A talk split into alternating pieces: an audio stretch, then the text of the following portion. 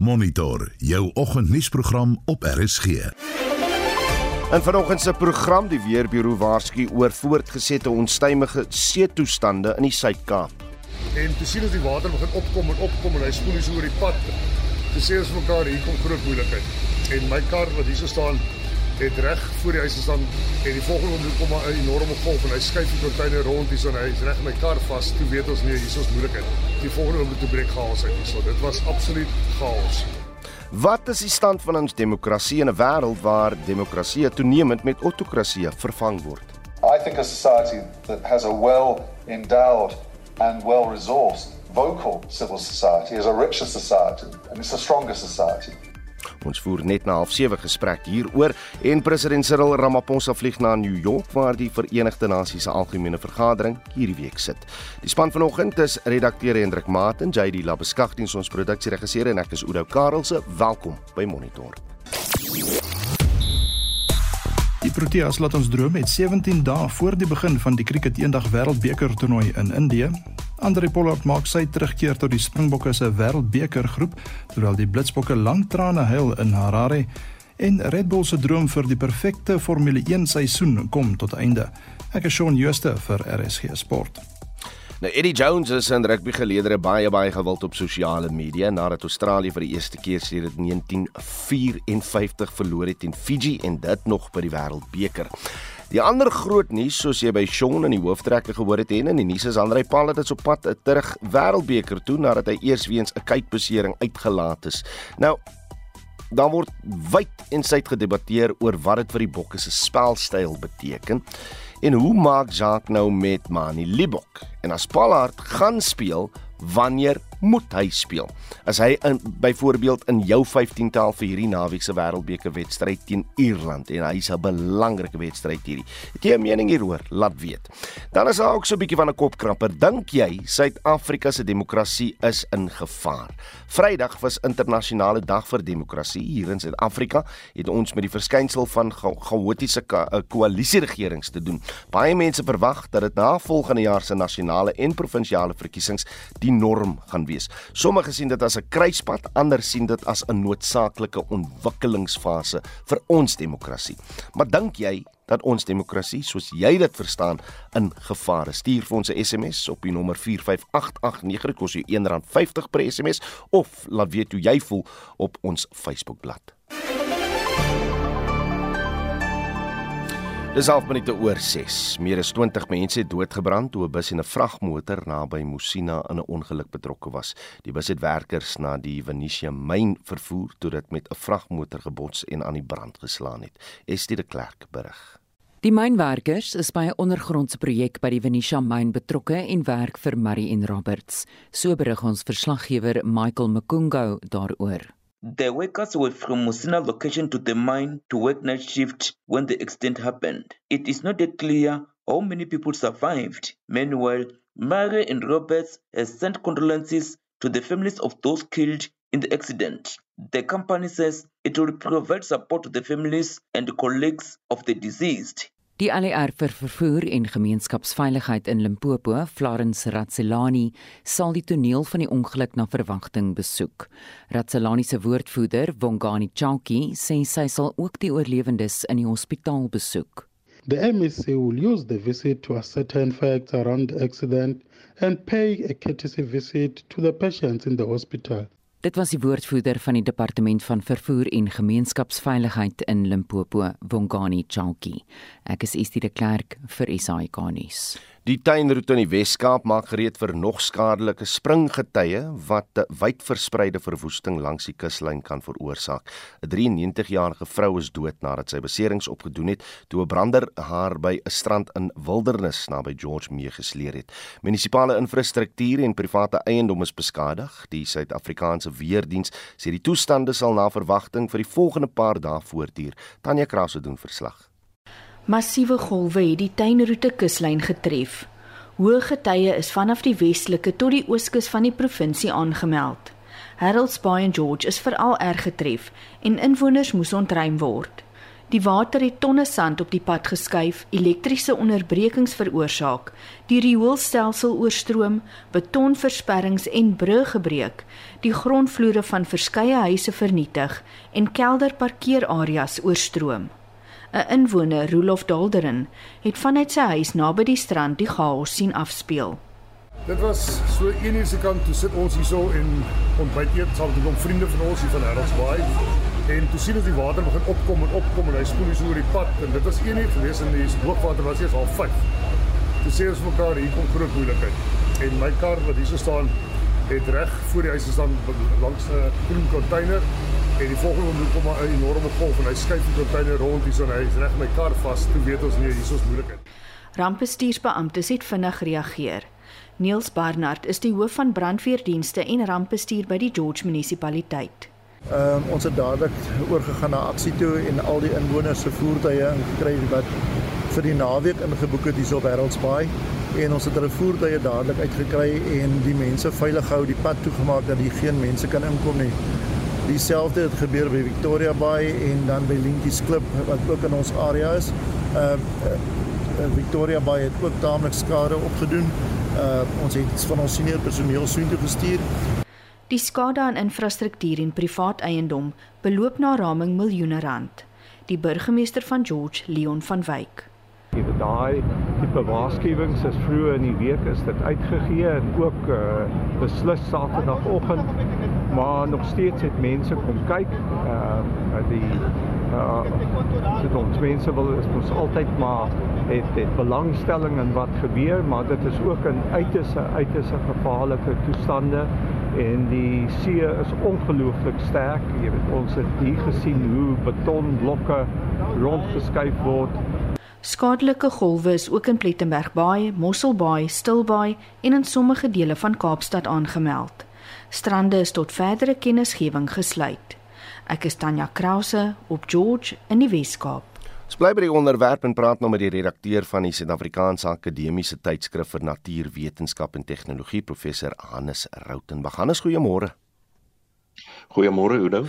Ons het onlangs berig oor die springgety en die blou maan. Die Nasionale See Reddingsinstituut het gewaarsku daaroor. Wat presies is die verband? Ja, as 'n mens na hierdie hele situasie kyk, die belangrikste aan die begin is natuurlik uh mense beleef die normale seevlak. Dit is hoe hoog die see is en uh met die getye wat so 'n bietjie op en af gaan, uh bou mense dan infrastruktuur en huise en restaurante. Nou dit is nou maar die neiging, mense wil maar eintlik so naby as moontlik uh aan die see bly.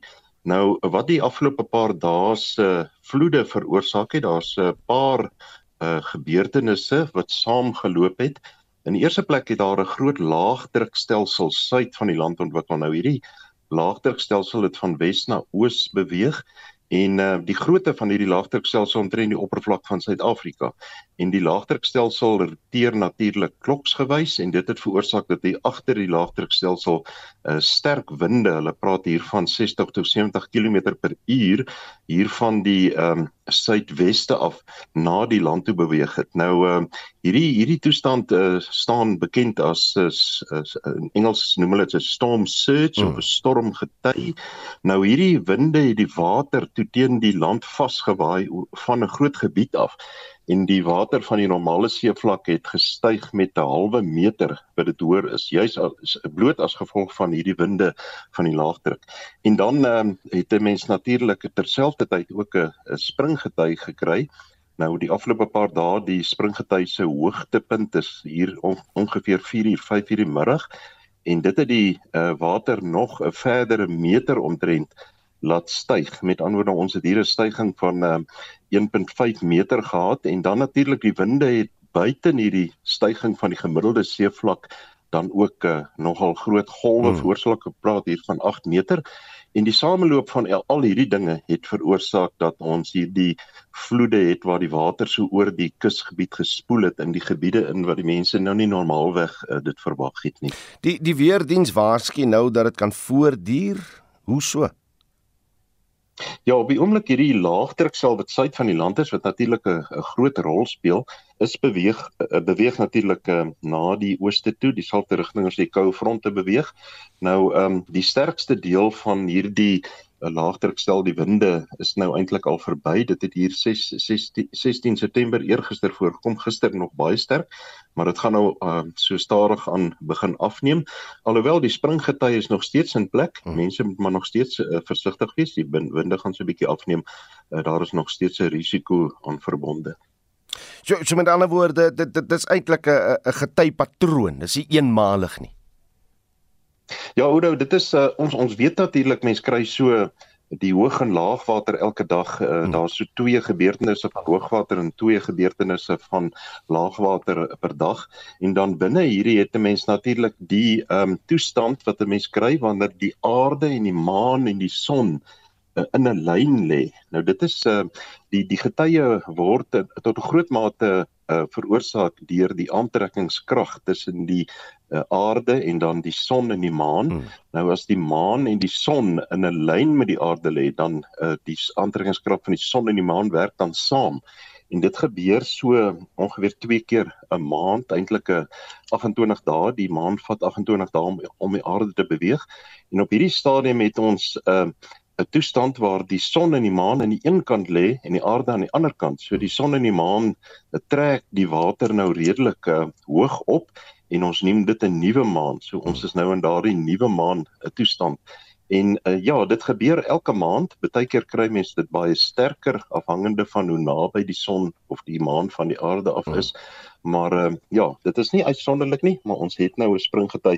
Maar die die groot ding wat hier gebeur het is die sameloop van verskillende toestande. Dit is hierdie laagdrukstelsel waar die see laat styg het uh, saam met hierdie springgety wat voorgekom het. En dit was die redakteur van die Suid-Afrikaanse Akademiese Tydskrif vir Natuurwetenskap en Tegnologie, professor Hannes Rautenbach. Die nie-regeringsorganisasies se loop die afgelope tyd deur onder kritiek van sommige politici en regeringsamptenare. Na die onlangse brand in Marshalltown in Johannesburg wat 77 lewens geëis het, die litigasie oor die aardtoe eh, verkeerswetgewing en die Zimbabwe permitte word hulle geloofwaardigheid nou in twyfel getrek.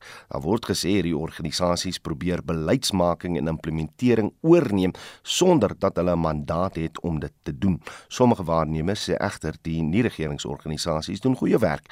Hulle sê die regering moenie sondebokke vir sy tekortkominge soek nie. Die burgerregteorganisasie Alta en die departement van vervoer stoei in die howe oor die Arto wetgewing. Die ANC se sekretaris-generaal Fikile Mbalula het die geleentheid aangegryp om Alta en NRO's in die algemeen oor die kolle te haal toe die konstitusionele hof die verkeerswet grondwetlik verklaar het. The ANC would like to advise all NGOs to cease from delaying government policy and implementation by mounting unnecessary court challenges as this is not in the best interest of the country. As the ANC, we are concerned about the trend of mushrooming of NGOs that have only one mandate, which is to keep government busy in courts.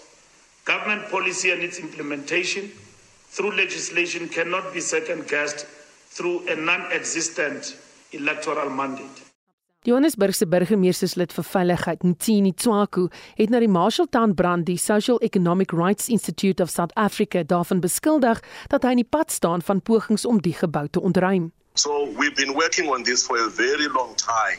When I arrived, it's close to me, but I was stopped by a counter-revolutionary organization called SERI, UNOMZAM, because I said to her, NOMZAM, why that the building is condemned to be unsafe. And you yourself you take us to court and say we must leave people there. It's like these people are doing a desktop exercise. They don't know anything what they are talking about none whatsoever Die minister van binnelandse sake, Dr. Aaron Motsoaledi, het in Junie verlede jaar 'n streemende aanval op die Helen Suzman Stichting geloods oor die Zimbabwe vrystellingspermit. Hy het die NRO daarvan beskuldig dat hy regeringsbeleid saboteer en gesê die land is onder die diktatuur van sommige NRO's met naamlose en twyfelagtige befondsers. Die direkteur van navorsing by die Mapungubwe Instituut, Susan Boysen, het die organisasies verdedig met verwysing na onder meer die goeie werk van die Treatment Action Campaign, die Right to Know veldtog, Corruption Watch en New Nation Movement. civil society all very often have access to very good expertise and also have an overview. They're part of our watchdog function society overview of government, and they have been excellent at exposing suspicious deals, at looking at corruption, etc. Overall, I think they can make a very good contribution, and government would benefit from systematic consultation In reaksie op kommer oor die bonafides van NRO sê die politieke ontleder Richard Calland wat ook 'n lid is van die Raad vir die Bevordering van die Grondwet Kazak dit te sê gehad. But I think it's important that they don't pretend that they are neutral when they are political actors in a diverse uh, playing field that is in my view the sign of a strong democracy. Calland sê dat NRO's en die regering dikwels bots wanneer laasgenoemde sukkel om sy programme te implementeer wat tot frustrasie lei. NGOs only a problem if you're weak and you're unable to debate major public policy issues. If you're confident, if you recognize that difficult problems of policy and law uh, the, should be the subject of contestation and debate in, in, an open society, a democratic society, then you will welcome that diversity of voice. You'll welcome the fact that there are organizations that have research capacity, that are activist, and which can say and do things that those who are trapped by the duty to report profits in the corporate sector or to win elections in the uh, political sector don't have. Uh, I think a society that has a well endowed and well resourced and vocal civil society is a richer society and it's a stronger society. Dit was 'n professor aan die Wit Skool vir Regeringskunde, Richard Calland, wat daardie verslag van Boesichi Mombi van ons politieke redaksie afgesluit het. Ek is Susan Paxton vir SAK nuus. Bly ingeskakel net na 07:30 praat ons juis oor die gesondheid van ons demokrasie. President Cyril Ramaphosa sal hierdie week by ander wêreldleiers vir die Verenigde Nasies se algemene vergadering in New York aansluit. Daar word verwag dat die vergadering deur kwessies soos ontwikkelingsdoelwitte en klimaatsverandering oorheers sal word. Dit vind teen die agtergrond van groot geopolitiese verskille plaas. Die globale suide het daarin geslaag om vraagstukke soos ontwikkelingsdoelwitte op die agenda te plaas. Daar's egter geen twyfel dat president Volodymyr Zelensky van Oekraïne se teenwoordigheid by die beraad en die oorlog in daardie land heelwat politieke en media aandag van hierdie kwessies gaan weglei.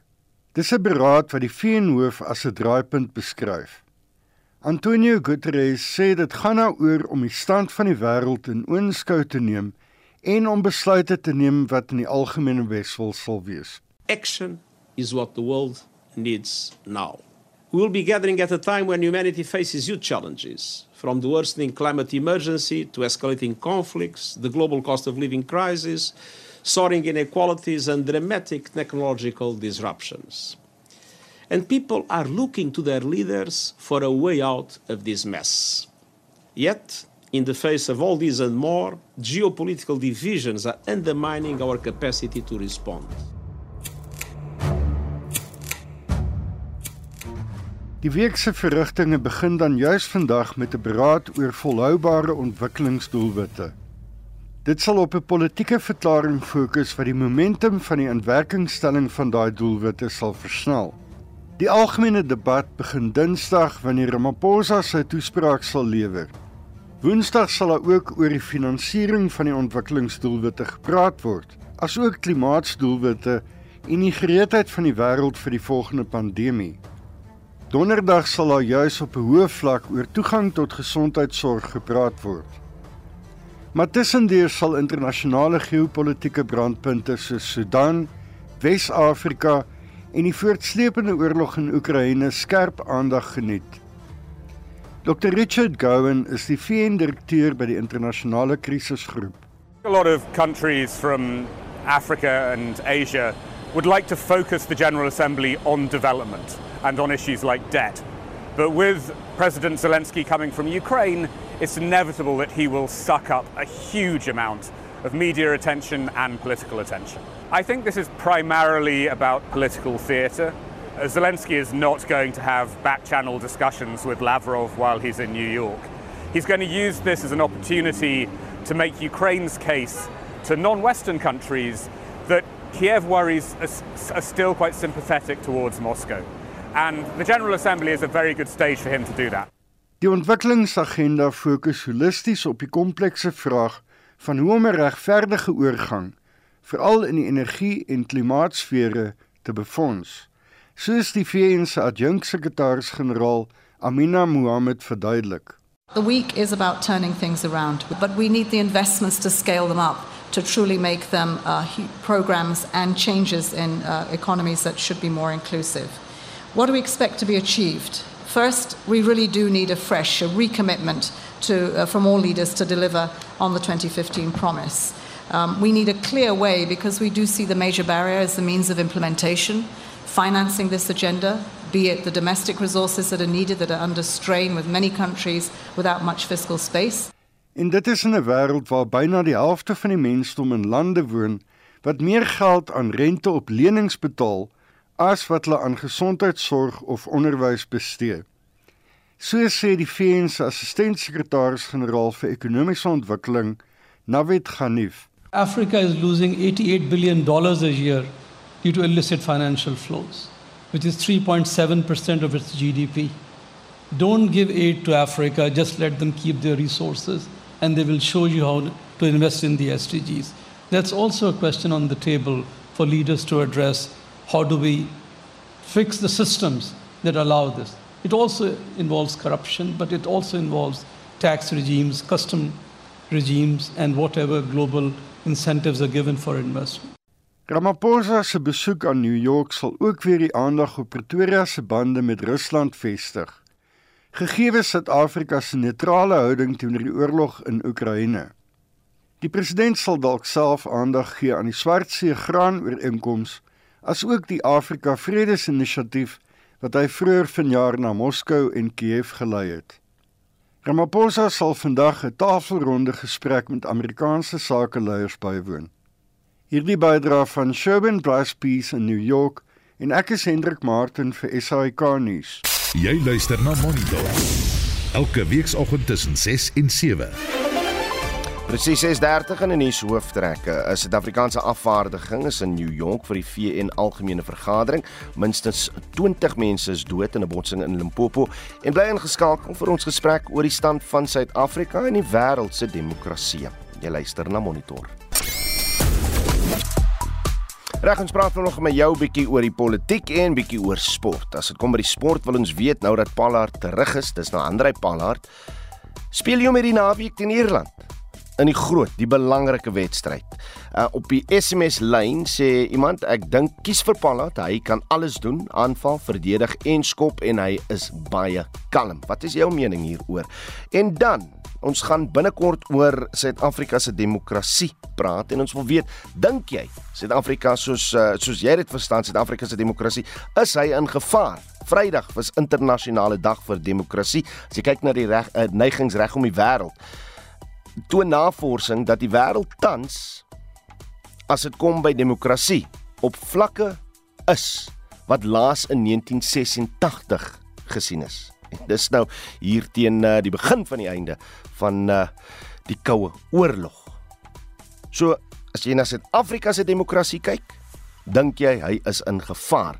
Uh op Facebook sê 'n paar mense, ja, verseker en die grootste toets vir ons demokrasie sal wees as die ANC volgende jaar se verkiesing gaan verloor of nie. Watter demokrasie? Vra Erika Hen. Geen demokrasie, net korrupsie, misdaad, politieke partye, rasisme. Die jong mense spesifiek swart jong mense wil niks van die struggle weet nie. Hulle kla dat daar niks demokrasie is in ons land nie. En dan op die SMS lyn hieroor uh sê koes om vir ons verkiesings is ras sensusse. So, ons het nog nooit 'n ware demokrasie beleef nie. Wat dink jy van Koos se mening hieroor? En dan sê anoniem watse demokrasie as een party 'n volstrekte meerderheid het, is dit nie 'n demokrasie nie, maar 'n autokrasie. Laat weet, stuur vir ons 'n SMS na 45889, dit kos jou R1.50 per boodskap. Jy kan ook lekker saamgesels op ons Facebookblad. Reg Vrydag was dit internasionale dag vir demokrasie en die tema was die bemagtiging van die volgende generasie deur vir hulle vir hulle 'n stem te gee in besluite wat 'n groot invloed op hulle wêreld het. Hier in Suid-Afrika is dit juist die jeug wat dikwels tydens verkiesings afwesig is. Maar dit is nie net hulle wat sinies en wanhoopig is nie. Baie Suid-Afrikaners voel gefrustreerd met uh, demokratiese prosesse en het wanhoopig geword. So wat is die stand van ons demokrasie? Ons praat nou met Kira Alberts van die Stellenbosch Universiteit se sentrum vir navorsing oor demokrasie. Kira, goeiemôre. Goeiemôre Oudo, dit is 'n absolute voorreg om hier saam met jou te gesels. Lekker om met jou te gesels. Kom ons begin eers met Suid-Afrika. Wat is die stand van ons demokrasie in vergelyking met Denemarke wat heel bo aan die jongste lys oor demokrasie is en Noord-Korea wat heel onder staan? Kyk, ek dink demokrasie in Suid-Afrika moet op twee vlakke gesien word. Want as mens kyk na die formele vereistes wat by so maatstaaf of datastel gebruik hmm. word, doen Suid-Afrika redelik goed. Um, van die maatstawwe sê vir ons ons werf 'n 7 uit 10 uit as mens ons demokrasie meet hmm. wat redelik sterk is en in Afrika staan ons demokrasie volgens daai maatstaaf dan nog heel bo. Maar as mens kyk na die die werklikheid en die ervaring van um ons samelewing, dan is demokrasie in Suid-Afrika dink ek verf dit 'n redelike um ongelukkige prentjie van van wat dit is in werklikheid. So ja, daar is daai twee vlakke waarna mens kan kyk. Reg, kom ons kyk nou 'n bietjie dieper hier want ons praat in die inleiding oor jong Suid-Afrikaners wat wanhoopig is. Uh armoede wat wanhoopigheid ook veroorsaak. As ons spesifiek na die jeug kyk, hulle bly weg van die stembus. Hulle is ook in Suid-Afrika die grootste enkele groep kiesers. So nou wil ek weet, as die jeug dan kwessies soos werkloosheid, armoede, korrupsie voor die deur van 'n regering kan plaas. En die stembus is die maklikste manier om ontslae te raak van so 'n regering. Hoekom bly hulle weg? Ek dink dit is heel eenvoudig. Ek dink nie ons jeug glo dat hulle stem 'n impak gaan maak nie. Veral omdat ons 'n party het wat al vir so lank ehm um, aan die, die ons land lei ehm um, dink ek nie ons jeug voel meer dat ons dit kan verander nie.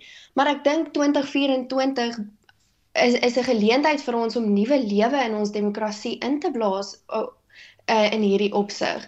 Want dis die eerste keer wat ons sien dat die ANC sal waarskynlik nie 50% haal um, in die verkiesing volgende jaar nie. So nou kan ons begin dink hoe sal dit anders kan lyk? Ons kan dink aan koalisies. So ek hoop dat hierdie nuwe moontlikhede vir ons jeug sal laat voel dat miskien sal dit anders lyk en dalk is hierdie verkiesing die verkiesing waar ons moet gaan stem as die jeug.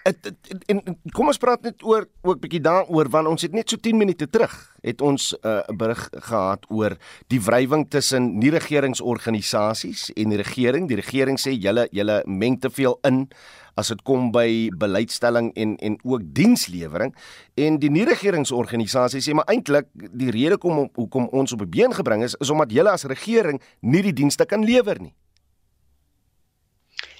Ja, eintlik eh, is 'n interessante ding wat mense daar kan sê Die rede dat Suid-Afrika nog nie so ver agteruit gegaan het eh, demokraties nie is as gevolg van um ons burgerlike samelewing en hierdie organisasies wat intree waar die regering nie uh goed doen nie en waar die regering nie die dienste lewer wat hulle moet lewer nie. So dit is eintlik hierdie organisasies wat tot 'n mate ons demokrasie beskerm. Ja, dan dan kan ons bietjie meer aanskuif na die die globale prentjie, die jongste Videm globale navorsing oor demokrasie en dit sal seker eh, 'n uh, paar mense verras hier Kira toon dat die vlakke van demokrasie wat hierdie wêreldbevolking benut word gedaal het na vlakke wat ons laas tydens die koue uh, oorlog daar gesien het. Hoekom is dit die geval? Ja, uh, ek dink baie mense, jy's reg om te sê baie mense besef nie wat die situasie is internasionaal met demokrasie nie en ehm um, dis kommerwekkend eintlik. Ek dink daar is 'n 'n baie dinge wat daartoe lei. Ehm um, grootste is veral in Afrika die toeneem van autoritaire en hybrid regimes. Ehm um, en dan natuurlik ons die verkiesings wat nie regverdig is nie. Daai dink ek is twee van die grootste invloede op die die afneem van demokrasie op 'n wêreldwye vlak. Wat wat vir my interessant was as ek kyk na hierdie navorsing, het hy verder aan dat selfs waar daar 'n liberale demokrasie is, sien ons toenemend hoe vryheid van uitdrukking, vryheid van spraak en mediavryheid in gedrang kom. So die proses om 'n regering te skep mag wel demokraties wees, maar die leierskap wat getoon word, word ook al hoe meer reg oor die wêreld autokraties. Ja, soos wat ek voorheen gesê het, daar's twee vlakke waar jy dit kan meet. Die eerste vlak waar mens hierdie formele vereistes wat jy nou na verwys, verkiesings en ehm um, die die normale ja, raamwerk wat ons sien as 'n demokrasie en dan het jy die eintlike ervaring van jou uh, samelewing en dit lyk anders. Jy's heeltemal reg en uh hoe ons dit gaan regstel, ek dit is 'n vraag wat ons baie graag by Credo wil antwoord. Die argument kan seker gemaak word dat demokrasie in die 80er jare en die 90s afgedwing is deur die weste op verskeie kontinente en dat die afgelope 2 dekades hierdie lande nou alself polities begin uitspreek, selfs in die gesig van westerse inmengings. Kyk na lande soos Irak, Iran, Afghanistan, lande in Sentraal-Amerika, uh, talle lande hier in Afrika, Kolumbie, Suid-Amerika. Uh, wat is jou mening hieroor? Kyk, ek dink dis 'n baie ingewikkelde vraag mm. want daar is 'n element daar waar jy die westerse idees was baie afgedruk veral in Afrika lande. Ehm um, en dit was verwag half vir die lande om dit net te vat en daarmee te hardloop en dit te maak werk. Mm. Maar dit is in realiteit nie altyd so maklik nie. So daar is definitief daai element wat betrokke is. Ehm um, En uh, dit dit is maar eintlik moeilik om te sê of, of om dit breedweg te te sê dit is wat in alle gevalle gebeur het en dit is hoekom demokrasie aan die afneem is. Ehm um, maar ek dink daar is tog 'n element daarvan. Reg. So so om mee af te sluit, kom ons kom nou weer terug na Suid-Afrika toe. En die feit dat ons jong mense nie stem nie. Die die die hoop dat die wat wanhoop het in Suid-Afrika wel na die stembus toe sal keer volgende jaar. Hoe maak mense in Suid-Afrika dan om seker te maak dat uh, die wat wel bemagtig is om en gemagtig is om te stem eintlik by die stembus uitkom? Want, want ons is 'n demokrasie, ons wil hê Suid-Afrikaners moet deelneem aan die proses. Ja, natuurlik, 'n demokrasie kan nie werk as ons nie almal gaan stem nie.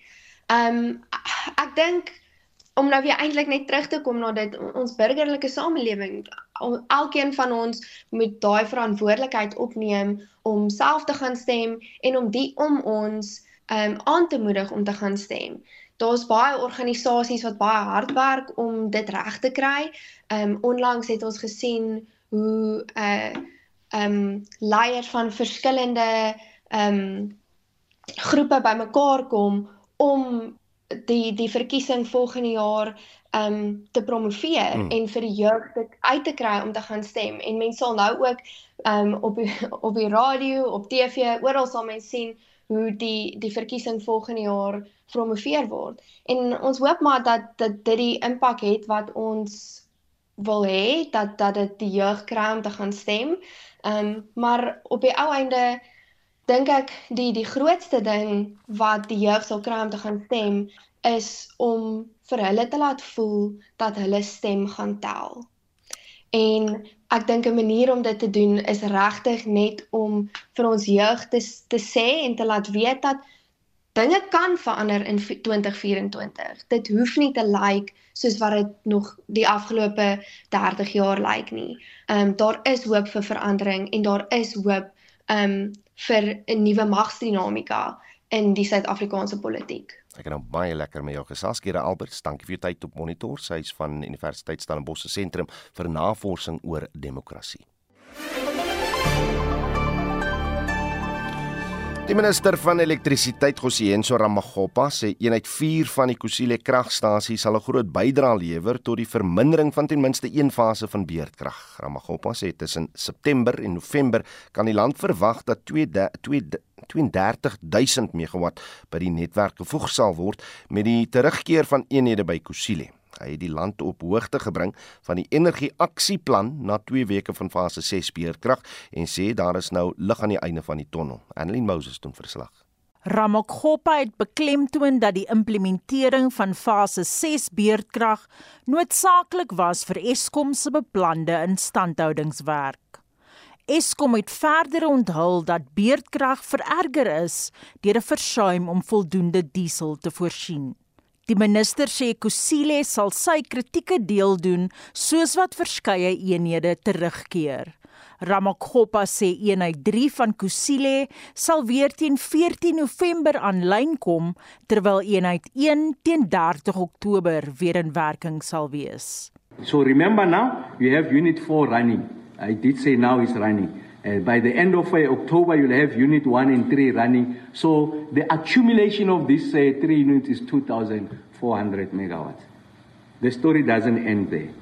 So the team that says, then there's a unit missing. I told you there's Unit 1, 2, 3 that had failed. So I must account for Unit 2.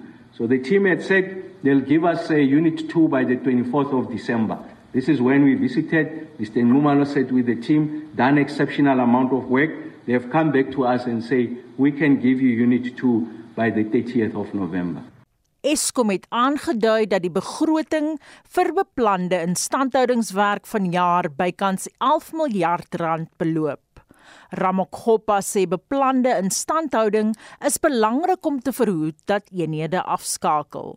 Hy het bygevoeg dat hy die week met die finansiële sektor sal vergader om opsies vir transmissiefinansiering te ondersoek.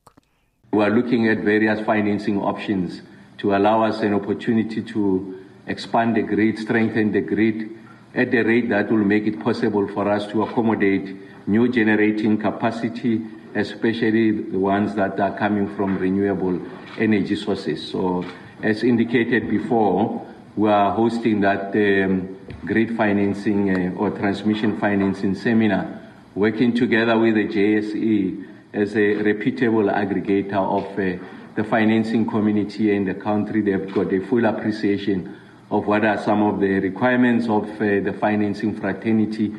Ramakgopa sê volgens Eskom se projeksies sal die finansiering van die netwerk sowat 210 miljard rand beloop. Die kragvoorsiener sê dat fase 2 beurtkrag vanaf gister 4uur tot 4uur vandag sal geld, gevolg deur fase 4 tot môreoggend. Die verslag is saamgestel deur Naledi Ngobo en ek is Annelien Moses vir SAK nuus. Sportbulletin word met trots aan jou gebring deur SABC Sport, die amptelike radio-uitsaier van die Rugby Wêreldbeker Frankryk 2023. Reg, Janie Du Plessis staan by om uh, oor die Wêreldbeker te gesels, maar vir nou eers son Jooste. Goeiemôre. Goeiemôre Oudo. As hy, hy's die mannetjie wat ons op hoogte hou van al die sport. Nuus en ons begin met die Proteas. en hulle het die spreekwoordelike haas uit die hoed gepluk son teen Australië. Ek sê konstant die, die talent binne die span is is meer as genoeg om wêreldbeker toe uh, mee te gaan, maar maar sal ons dit nou waag om te hoop? Nee, Oudo, ek is so 'n klein bietjie bang om te hoop, maar ek dink tog elke Suid-Afrikaner hoop en hou duim vas vir 'n goeie wêreldbeker vertoning. Die Proteas het Australië gister op die Wanderers in Johannesburg in die 5de en beslissende eendagwedstryd met 122 lopies afgeronsel en palm die reeks 3-2 in nadat hulle die eerste twee wedstryde verloor het. In Suid-Afrika se 315 vir 9 het Aiden Makram 93, David Miller 63 en Marco Jansen 47 lopies aangeteken en Jansen eindig ook met 5 paaltjies vir 9 30 lopies. Australië is uitgeboonder vir 193 lopies en Makram is ook aangewys as speler van die reeks. Reg Wêreldbeker rugby praat ons nou en uh, is vir my interessant. Ons praat meer oor Handrey Pollard vanoggend as wat ons oor die Bokke se 70 plus punte praat in gietende reën. Ja, die bokafrigter Jacques Ninaber het na die 76-0 sege teen Roemenië teen Roemenië bevestig dat Andrei Pollard uh, sy terugkeer sal maak. Nou Pollard sal waarskynlik nie die beginspan teen Ierland haal nie, maar kan moontlik van die bank af gebruik word en my vraag is nou net Pollard of Libbok of beide in die begin 15tal. Nou Fiji sorg ook vir die eerste opskudding en klop Australië met 22-15 en dan gou twee ander tellings Engeland 34, Japan 12 en Ierland 59 Tonga 16. Goeiemôre Eddie Jones. Is jammer om te sê maar die naweek in Zimbabwe uh, was nie 'n goeie een vir ons Blitsbok nie. Wat gaan aan met uh afrigting Ngobos se Spanjol? Ja nee Udo, uh, ek dink ons almal wil graag daai vraag antwoord op daardie vraag hê. Nou die Blitsbokke kon nie vir die 2024 Olimpiese spele kwalifiseer nie. Hulle het in die eindstryd van die Afrika kwalifiseringstoernooi met 17-12 teen Kenia vasgedraf. Maar indien Saskop dit toelaat, kan Suid-Afrika in Junie 2024 aan 'n terugskafel toernooi in Monaco deelneem en moontlik nog by die agterdeur inglip. En dan Formule 1 nuus, Red Bull en Max Verstappen is nou uiteindelik gestryd. Ja, vir die eerste keer in 2023 wen Red Bull nie 'n Formule 1 wenner wedren nie. Ferrari se Carlos Carlos Sainz van Spanje as eerste oor die wenstreep in Singapore met die Brit Lando Norris tweede vir McLaren en sy landsgenoot Lewis Hamilton derde vir Mercedes. Die wenner van 12 Grand Prix Max Verstappen van Nederland het 5de geëindig. En dan jy uh, sokkernuus vir die res van die luisteraars, maar nie vir my nie. In die DStv Premier League het AmaZulu 3-2 teen Cape Town City geseëvier. Kaizer Chiefs en Royal AM het doelloos gelyk op gespeel. En dan Orlando Pirates het 1-0 in Botswana teen Jwaneng Galaxy in die eerste been van hulle Afrika Kampioenligga kwalifikasiefase verloor. Dan het so 'n paar tellings in die Engelse Premier League Everton 0, Arsenal 1, West Ham United 1, Manchester City 3 en dan ongelukkig Manchester United 1, Brighton and Hove Albion 3. En ek sluit dit af met golfnuus. Die Nieu-Seelander Ryan Fox het die trofee by die BMW PGA Kampioenskap in Surrey in Engeland gelig. Hy eindig die toernooi op 18 onder en Suid-Afrika se Duplessis Duplessis was gesamentlik 10de op 12 onder. As hy Shaun Jooste daar van RSG Sport. Nou, ons ons fokus op uh, Andre Pollard, die losskakel. Hy gaan wêreldbeker toe. Die nuus is egter deur die uh, Springbok afrigspan bevestig net na Suid-Afrika Roemenië 76-0 afgeronsel het. Pollard sluit by die wêreldbeker groep aan as beseringsplaasvervanger vir die haker Malcolm Marx. Kom ons gesels nou met die ou bokstit Janie Du Plessis oor die besluit en die bokke se vordering by die toernooi. Janie, goeiemôre. Goeiemôre Oudo, goeiemôre luisteraars. Kom ons praat eers oor die rugby wat eintlik op die veld plaasgevind het. 'n Driekant steur uh, Reinig, Makazole Mapimpi 12 in totaal. Maar maar tog was dit nie 'n wedstryd waar die bal net rond en bond gegooi is nie. Die bokke het gehou by hulle strukture in die reën daar, nê? Hoorie, ja, die Roemenië, ek het ek het meer verwag van Roemenië, maar dit is nou die tweede keer hierdie naweek wat ek meer verwag het van 'n span. Ehm um, ek het bietjie meer verwag van Tonga ook. Ehm um, maar ek bedoel 'n mens moet jou hoed afhaal vir die Springbokke. Hulle hulle hulle hulle verstaan dat hierdie wedstryde uh, gebruik jy as voorbereiding vir die uitklopwedstryde en ek dink hulle het soos jy reg sê hulle het uitstekend gehou by hulle plan en hulle het uitstekend gehou by die uitvoering daarvan. So ehm um, daai drie wat gedruk is is is maar baie keer man individuele briljantheid ek bedoel Kobus Reinig het 3-3 gedruk voor om voor 20 minute verby was. Mm, ehm um, en um, en dit en dit is eintlik maar net daai daai onvoorspelbaarheid van jou spelers wat wat wat jy ook nodig het om om wêreldbekers te wen en um, en wat 'n mens trots gemaak het. So ja nee, die die, die Springbokke het 'n baie goeie wedstryd gespeel. Wat vir my verblydend is oor die oor die twee wedstryde, twee gespeel, net 3 punte afgestaan. Ja, sien, kyk, mense kyk nou net na hierdie wêreldbeker, maar ehm um, as 'n mens na die vorige wêreldbeker kyk, dan uh, as as my statistiek reg is en en ek praat 'n bietjie onder korreksie maar ek is redelik seker van my saak, het ons van dat die vorige wêreldbeker begin het tot nou toe nog net 2-3 afgestaan. Ehm um, wat my, wat merkwaardig is. En op die einde van die dag ja, jy moet punte aanteken om wêreldbekers te wen, maar hulle sê ehm um, drie sit mense in die stadions mm. en uh, dit is 'n goeie dit is goeie vermaak, maar verdediging wen vir jou kompetisies. So gepraat van en verdediging. Die Springbokke Ja, ja. Die die Springbokke se verdediging is op die oomblik die beste in die wêreld. Nou, so gepraat van verdediging. Meneer, is jy so bang vir Ierland soos ek is?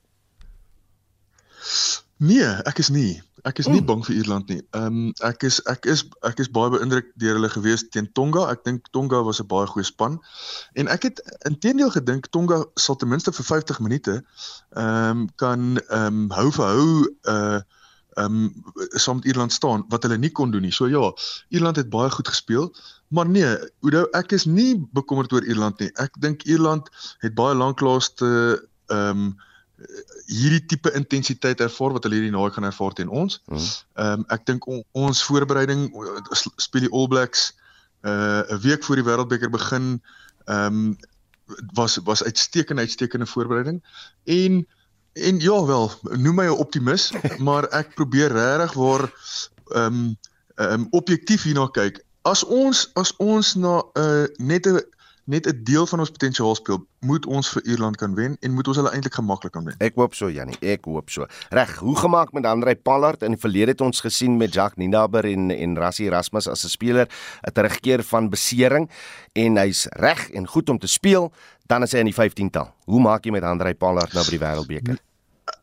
sien dit dit gaan ons moet sien en dit is dit is seker nou maar die elke afrigter se se eie ehm um, 'n keuse hoe hy daarmee eh, hoe hy uh, spelers terugbring, maar ek voel net Mani Libbok en Damian Willemse hierdie naweek het regtig so goed gespeel dat dat 'n mens nie al selfs al al het jy 'n speler met die statuur van Andre Pollard, kan jy ongelukkig nie net sommer daai ouens op die op die reservebank sit of of op of uit die uit die ehm um, span uit weglaat nie, want onthou as jy iemand hoe jy mense hanteer, daai syfer deur na die hele span toe. En dit gaan onsekerheid um um by by die span uh, uh, bekweek mm. as Mani mm. goed speel. Alhoewel hy nou nie goed geskop het nie, maar ek bedoel hy het verskriklik goed gespeel en ons het nog steeds goed gewen. So ek bedoel jy kan nie 'n ou krysig oor een oor een ding nie, soos wat Sia ook verlede week tereg gesê het. Um ek weet nie hoe hulle dit gaan hanteer nie. Ek dink dit is natuurlik altyd 'n 'n 'n bate om 'n speler van Andre se se statuur in 'n span te hê. Hmm. Hy is ervare. Hy het 'n uh, BMT, so as ek die Engelse woord kan gebruik. Hy hy speel goed in groot wedstryde. Maar op die oomblik speel Mani Libbok regtig goeie rugby en Damian Willem sê hierdie naweek een van die beter vertonings ehm um, uh, gesien wat ek hom al ooit gesien speel het. So ja, dit is 'n tamaletjie seker vir die Springbok hmm. afrigters, maar dis nietemin 'n goeie tamaletjie om te hê. As hy sommer hang op die lippe op die woorde van uh, Jacques Ninaber in sy eerste media konferensie hierdie week, maar dit was die oud bokstit Janie Du Plessis baie dankie vir tyd op monitor. So net so 'n paar vrae vanoggend is Andre Pallard in jou 15 taal teen Ierland hierdie naweek. En die tweede vraag is dink jy ons demokrasie soos jy dit verstaan is in gevaar? Stuur 'n SMS na 45889 dit kos jou R1.50 per boodskap. Of praat saam op ons Facebook bladsy ons groet dan namens ons uitvoerende regisseur Nicoline de Wee ons redakteur vanoggend Hendrik Martin ons produksieregisseur JD Labeskagh en ek is Oudo Karel. Se môre weer terug op monitor tussen 6 en 7 op en wakker is volgende. Totsiens